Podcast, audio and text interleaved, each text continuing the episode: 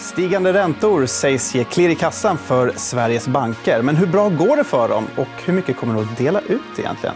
Det ska vi prata om i dagens EFN Marknad. Välkomna.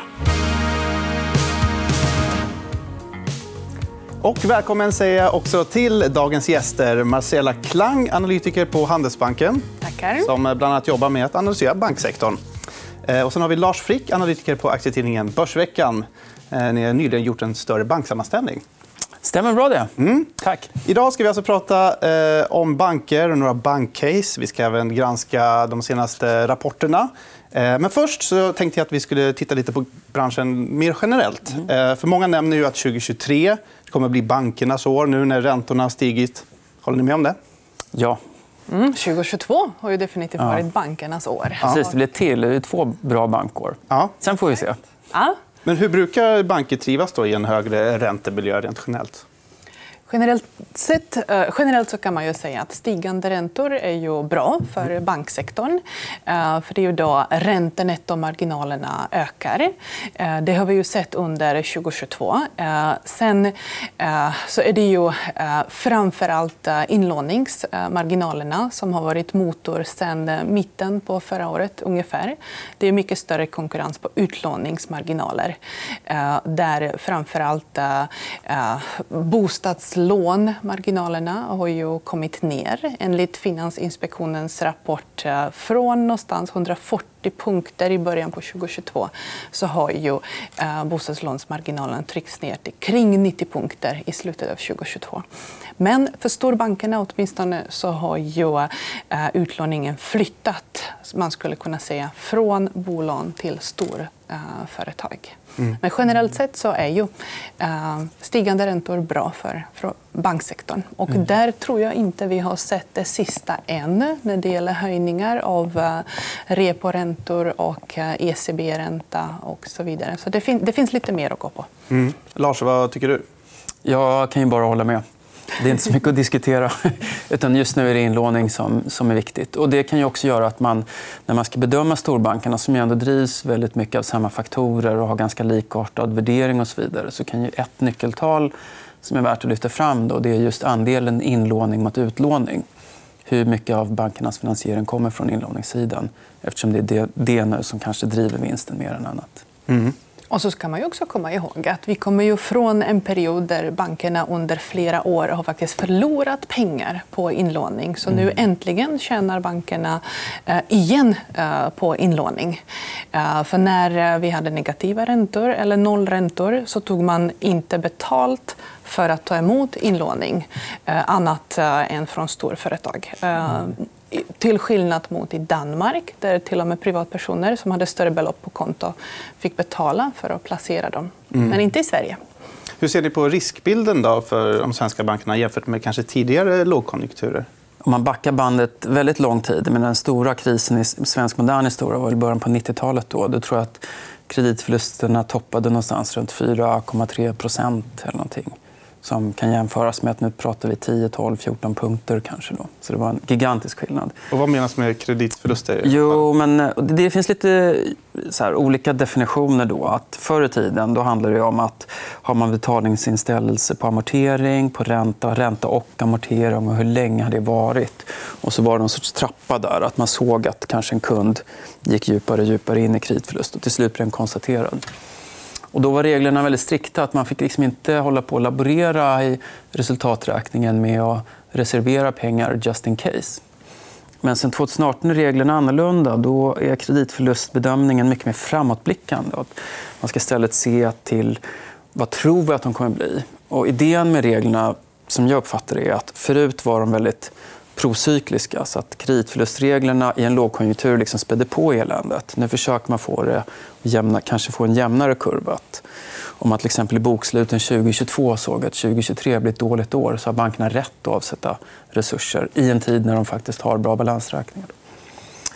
Nej, så att, uh, kreditförlusterna står ju onekligen i fokus här. Mm. Och de är fortfarande väldigt låga. Ja. Och, uh, tittar man in i detaljerna så de kreditförluster som bankerna har rapporterat under Q4 det är väldigt liten del av dem dessutom är realiserade kreditförluster. Utan det vi ser i bankernas böcker efter de nya reglerna det är ju makrojusterade uh, kreditförluster. Att man justerar sina makromodeller.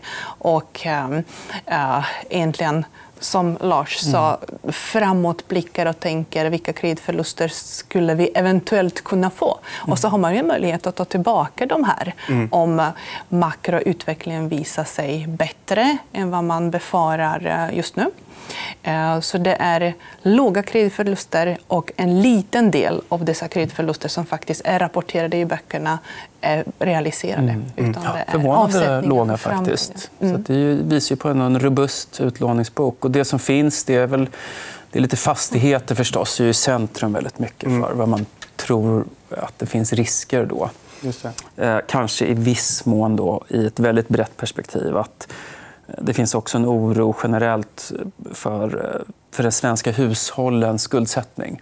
Så bolånen kanske, kanske kan bli en faktor. Mm. Men svenska hushåll historiskt har varit en väldigt stabil mm. faktor, mm. stabil affär. Och man har historiskt förlorat väldigt lite pengar på svenska bolån. Mm.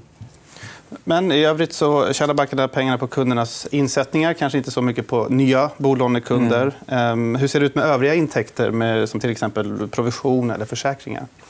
Ehm, det är okej. Okay. Ehm, det är fortfarande räntenetto som är motorn i bankernas balansräkningar. Ehm, provisioner för kreditkortsanvändning, betalning, sparande. Det ser bra ut.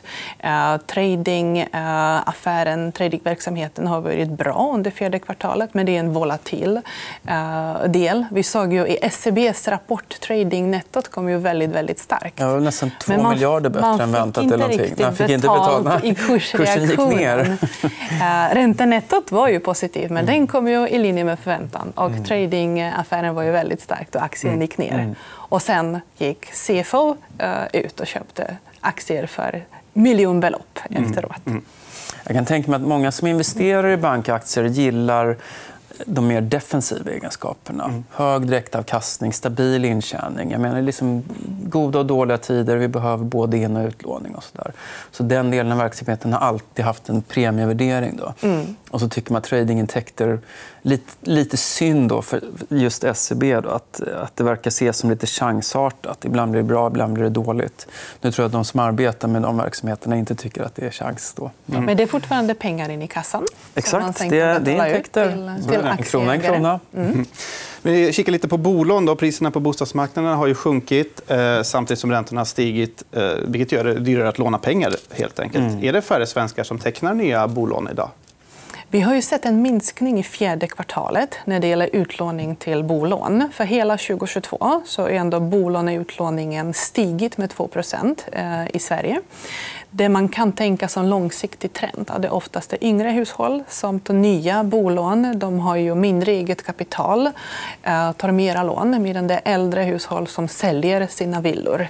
Eh, så långsiktig, stabil, ensiffrig tillväxt tycker jag ändå att det finns eh, fog för. Mm. Men fjärde kvartalet har varit svagare. Sverige har väl också en rätt hög andel rörliga lån och så där, mm. som ju ändå är rätt bra för bankerna. Att eh, om man har gått tecknat ett avtal om ett väldigt långt bundet bolån för några år sedan så är det förmodligen väldigt bra villkor idag. Då. Och det är ju en diff som banken får ta. Så att I omsättningen av stocken som reflekterar det nya ränteläget så får man ju också så att säga, en viss positiv effekt som lyfter räntenettot. Mm. Mm. Hur ser det ut på eh, konkurrensen då på bolånemarknaden? För det, vi ser ju lite mindre aktörer som tar marknadsandelar. och så. Mm. Mm. Eh, att storbankerna tappar marknadsandelar till nischspelare. Så har det varit i ja, flera år, ja, decennier. Det är inget nytt. Eh, I dagsläget är det strax under 30% marknadsandel som eh, de nya spelare har. Eh, storbankerna under 2022 tog ju fortfarande rena pengar uh, störst andel av uh, nyutlåningen. Däremot så är det bara Nordea som tar marknadsandelar. De andra storbankerna tappar marknadsandelar under 2022 enligt statistik från SEB. Och så är det såna aktörer som eh, Stabil och Landshypotekbank, som mm. Skandiabanken. Eh, de är fortfarande små, men det är ju de som växer mm. starkast. Vi ska dyka in här nu och kolla lite på de svenska bankerna. För De flesta av deras Q4-rapporter har ju kommit in. Vi kan väl börja med SEB. kanske. Mm. Vad säger ni om deras senaste kvartalsrapport? Jag fick inte så bra betalt för siffrorna. Nej. Men då gäller det att passa på att köpa efter. Ja, just det. Mm. Ja. Ja. Nej, men vi är generellt positiva till banksektorn överlag. Mm. överlag. På Handelsbanken har vi i början på året infört uh, att vi har dubbla rekommendationer uh, just nu. Så vi har en rekommendation på tre månader, köp, behåll eller sälj. Och så har vi en rekommendation på tre år, outperform, market perform eller mm. underperform. Och faktiskt för de stora svenska eh, bankerna så har vi ju, är vi positiva både på kort och lång sikt. Eh, och när det gäller SEB, uh, räntenetto upp 9% jämfört med kvartalet. Den var väl som väntat. Det var i princip det enda negativa. Sen hade vi ROE på 14,7% i kvartalet. De, de siktar på 15 mm. Så det var, det var väldigt stark rapport. Lite, lite oförtjänt att den gick ner. Ja. De har också väldigt hög inlåning. Det här som vi mm. pratade om tidigare. Så en rätt stor del av finansieringen kom från inlåning där vi nu ser stigande vinster. Mm. Så det känns kanske som att SEB är ett case där det kan svänga rätt mycket. Mm. Och jag tror sista, det är positiv och De sista räntehöjningarna kom ju också ganska sent i kvartalet. Mm. Den från Riksbanken på 0,75 mm, i november. Ja, så vi kommer nog se en del av de effekterna i Q1. Mm. Vad är det för direktavkastning på SEB i år? På delar 6-7 procent. Ja. Nordea ligger högst på nästan 8 procent. Mm. Ja. Eh, direkt avkastning. Nordea betalar ut 70 procent eh, av vinsten plus mm. buybacks. Mm. Eh, SEB och Swedbank kring 50 procent av vinsten enligt policy i SEBs fall plus buybacks också. Mm. Swedbank lägger väl undan lite mm. pengar för Precis. eventuella... Vad var det 9,75 eller sånt. Ja. Alltså det blir knappt 5 procent på direktavkastningen där i Swedbank. Vilket fortfarande är väldigt bra. Ja, vi kan kolla på Swedbank-kursen. här. Eh, den har gått riktigt eh, starkt den senaste tiden. Mm. Den starkaste i banksektorn hittills ja, i ja, år. Precis. Eh, och man kommer fortsätta dela ut hälften av årsvinsten. Då. Mm. Ja. Ehm, samtidigt finns det en osäkerhet då, om eventuella böter från amerikanska mm. myndigheter kopplat mm. till den här misstänkta penningtvätten i den baltiska bankverksamheten. Om Swedbank löser den här frågan då, om böter från amerikanska myndigheter. Kan det bli en trigger för aktiekursen? Mm. Och det är den lägst värderade aktien bland storbankerna. Mm. också. Så, så Jättebra nyckeltal också. Mm. mm. Hög kapitaltäckning. Man pratar om tier 1. Då, så mycket mm. kapital som finns i banken som säkerhet för, för eh, mm skulder och så där. Mellan 2012 och 2018 så delade Swedbank ut 75 eh, av årsvinsten. Mm. Om jag har förstått rätt. Precis. Det var, det var någon period där man gick från runt 50 mm. upp mot över 70% ja. Sen har det fallit tillbaka igen. Och halva vinsten känns väl ändå hyggligt försiktigt i en så pass stabil verksamhet. Just det. Mm. Alltså om man har ett väldigt cykliskt bolag där man går liksom boom-bust med mm. hög och lågkonjunktur så kanske man måste vara lite mer försiktig. Då. Men här finns ju en långsiktighet och någon sorts tröghet. Som gör... Mm. Men det finns den stora frågetecken. Vad det blir för eh, resultat av de här utredningarna av penningtvättscaset. Mm, ja. Danske Bank ställde en utdelning för förra mm. året. Och utan visst. allt det här kanske kursen hade varit ännu högre idag. Ja, absolut. Ja. Och mycket, jag vet inte, var det? Två 2, någonting miljarder dollar som danske till slut fick betala. 15,3 15,3 miljarder danska kronor. Danska kronor mm. Alltså 2 miljarder dollar. Mm. Ja. Eh, vi går vidare till Nordea, eh, som ju numera har huvudkontor i Finland men mm. som fortsatt handlas på Stockholmsbörsen. Hur, hur ser ni på Nordea? Eh, lågt värderat. Jag tycker det är lite intressant. Eh, det, det har funnits så här lågkonjunktur när Nordea sett som lite mer riskabelt. Mm beroende på vilken typ av sektorexponering man har. Det har varit offshore-industrin hade det väldigt problematiskt en tid. Norska laxodlingar har haft det väldigt problematiskt en tid. och så vidare. Och det var ju Nordea som satt med det i böckerna. Då. Idag tycker jag nog att den här diversifieringen faktiskt är en styrka. Mm. Att det är lite roligt med Nordea. Sen är inte de lika effektiva. De har sämre KI-tal. De har lite sämre balansräkning. och så där. Men, mm. men... Intressant turnaround-case. Eller hur? Ja. Så har vi ju Danmark och Finland. Eh, de påverkas av ECB som började med räntehöjningarna senare än Riksbanken. Så vi kan ju få se den positiva effekten lite längre mm. än kanske för banker. Precis, de laggar lite grann i mm. kurvan. Då. Ja. Och högst direkt avkastning. Mm. Eh, Handelsbanken, då, Marcela, du jobbar ju där. Jag vet Nej, att, eh, jag kan inte uttala mig. därför inte ger några rekommendationer. Men du mm. kanske kan säga någonting om konsensusförväntningar? Exakt. Exakt. Men, ja. Eh, överlag positiva rekommendationer för Handelsbanken när man tittar på Factset konsensus. Det är åtta köp och nio behåll. Och man förväntar sig totala intäkter upp 50 um, year over year. Kostnader upp bara 5 uh, Även starka siffror för räntenetto ligger i förväntningarna. Mm. Utdelningen upp till 7,87 från 5 kronor förra året. Vad är det, vad är det för direktavkastning? Eh, det blir 6-7 procent.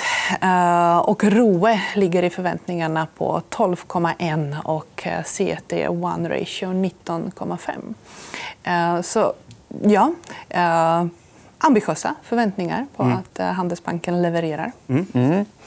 Jag kan tänka mig att i den det konjunkturläge vi är idag.